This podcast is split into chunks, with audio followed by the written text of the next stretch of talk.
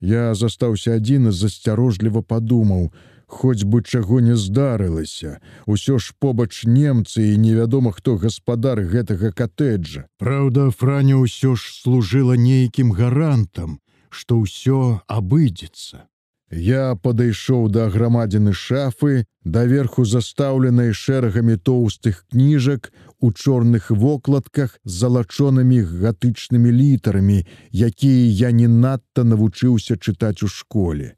Побач на сцяне вісела нейкая цьмяная карціна у дужа тоўстай і таксама шчарнелай ад часу рамі. Наогул усё тут было старое, можа з мінулага стагоддзя, са слядамі аблезлай пазалоты, што безумоўна сведчыла пра знатнасць паходжання гаспадароў. Можа, нават цяперашніх фашыстаў.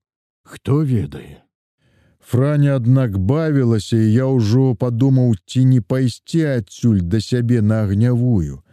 Але нейкая далікатнасць усё ж стрымлівала мяне, і я дачакаўся. Расчыніліся дзверы і ўвайшла франя. Абярэжліва несучы маленькі блішчасты падносік, з двума кубачкамі гарбаты і нейкай закускай на белым сінім беражком сподку. Цукру, аднак не маем. Паклікаць салдата, А ты, я гарбаты не п'ю, сказала Франі і запыталася: « А можна, каб сюды зайшлі гаспадары? Гаспадары? Ну хай, Гаспадары ніяк не ўваходзілі ў мае планы, бачыць іх тут мне зусім не хацелася, але калі яна просіць. Тым часам у памяшканне неяк нясмела ўсунуўся дужа высокі стары у чорнай старасветскай піжаме, што бы на вешалцы вісела на ягоных худых плячах. Зрэшты, таксама як і штаны з недарэчнымі быў генерала бляклымі лампасамі сіняга колеру. Ён быў зусім лысы, з надзіва касматымі брывамі, под якімі глыбока сядзелі зыркія вочы. І грусен гер афіцыр, старэчым голасам вымавіў ён, трошки схіліўшы галаву ў паклоне. Здравия желаю, стрымана сказаў я. У гэты час за ім показалася ў дзвярах невялічкая сухая кабетка, зусім белую быць мухавец галавой. Абое прыціхла спыніліся каля дзвярэй.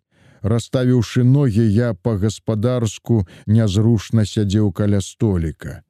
То доктор Шарф і фрау Сабіна ціхенька прадставіла гаспадароў Франя.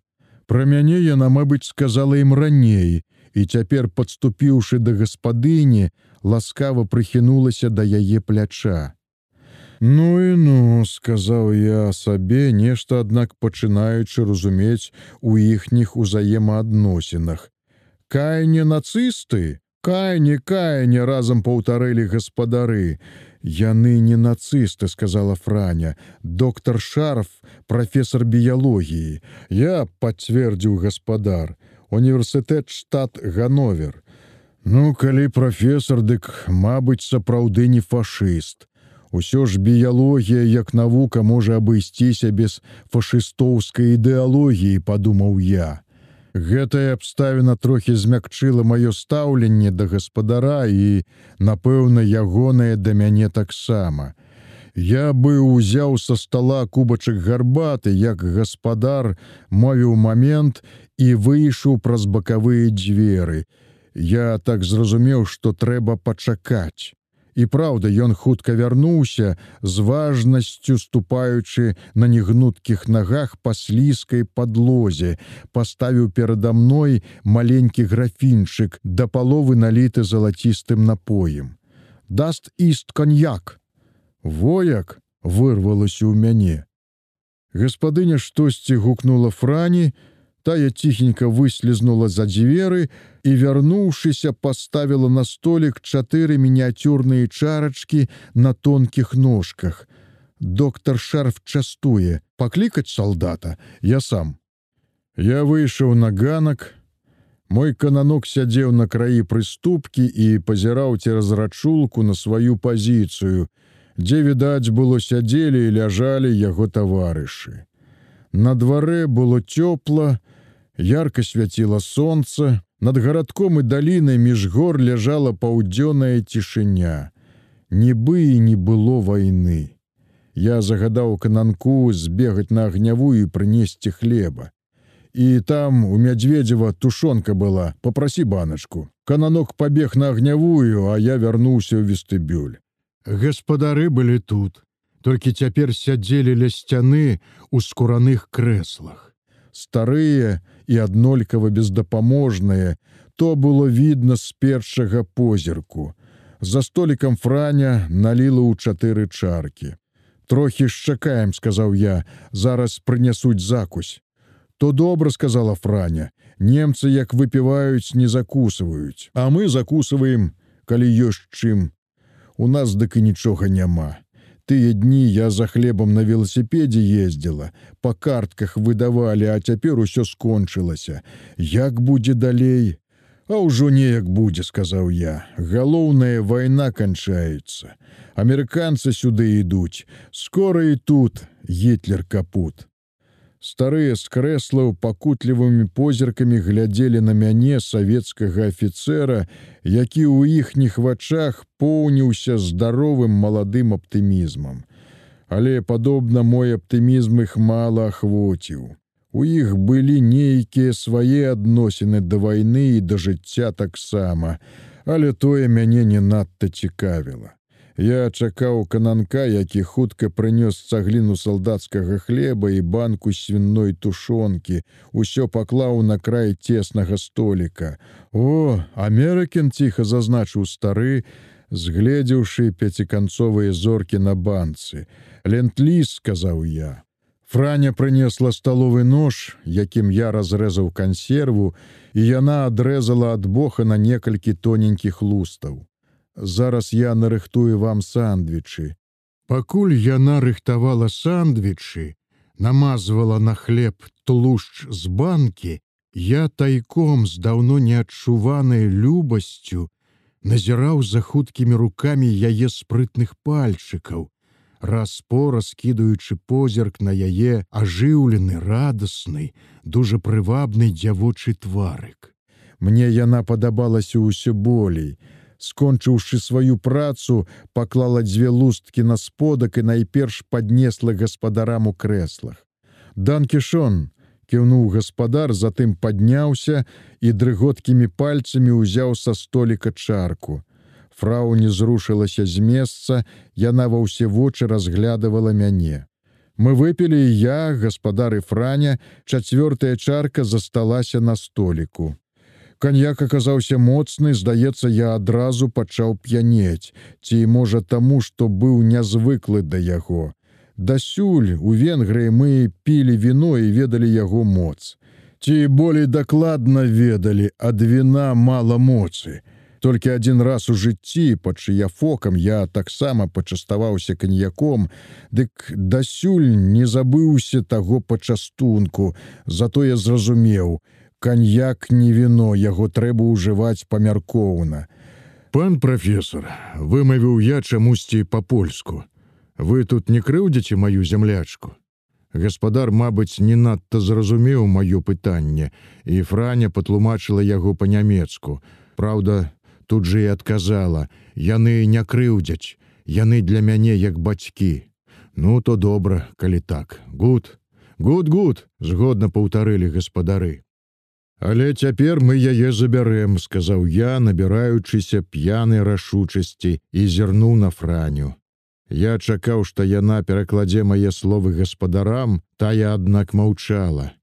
Лёгкі клапотны цень прамільгнуў па яе тварыку, і я сцяміў, што тут штосьці не так.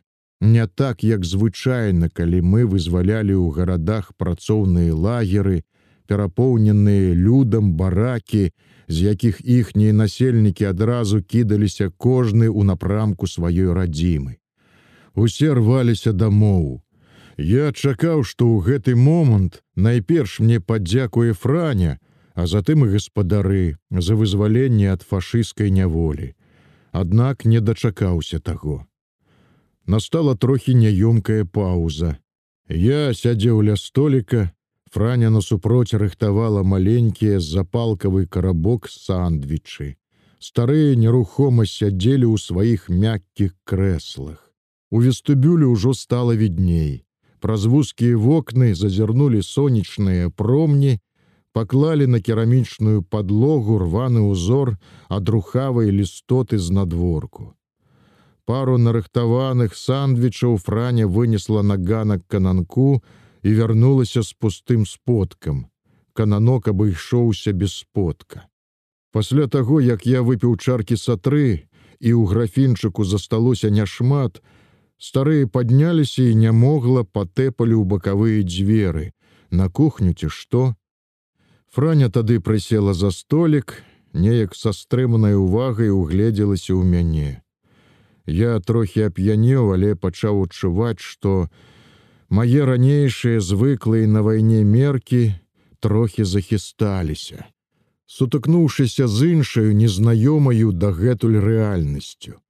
Усё ж гэта быў інакшы, чым ранейшы мой свет з яго інакшымі складанасцямі, у якіх я быў, мабыць, прафан. Не тое, што моя зямлячка беларуска франя, яна ў гэтым свеце жыла, а я з ім толькі знаёміўся. Цікавасць моя да яе ўсё большала але распытваць яе было трохі няёмка, а яна бачна было, не дужа спяшалася расказваць пра сябе, ці хоць бы паскардзіцца, як гэта звычайна любяць жанчыны. Франя не скардзілася, хоць і радасці на яе твары я заўважаў няшмат. Ці яна так навучылася хаваць свае пачуцці, але ж нашто хаваць іх, усё ж я ёй не чужы, Я зямляк на чужыне. Там на агнявых пазіцыях я не надта дбаў пра свой знешні выгляд, выпацканыя ў зямлі штаны, нячышчаныя кірзачы, няхайна зашыты рукаў.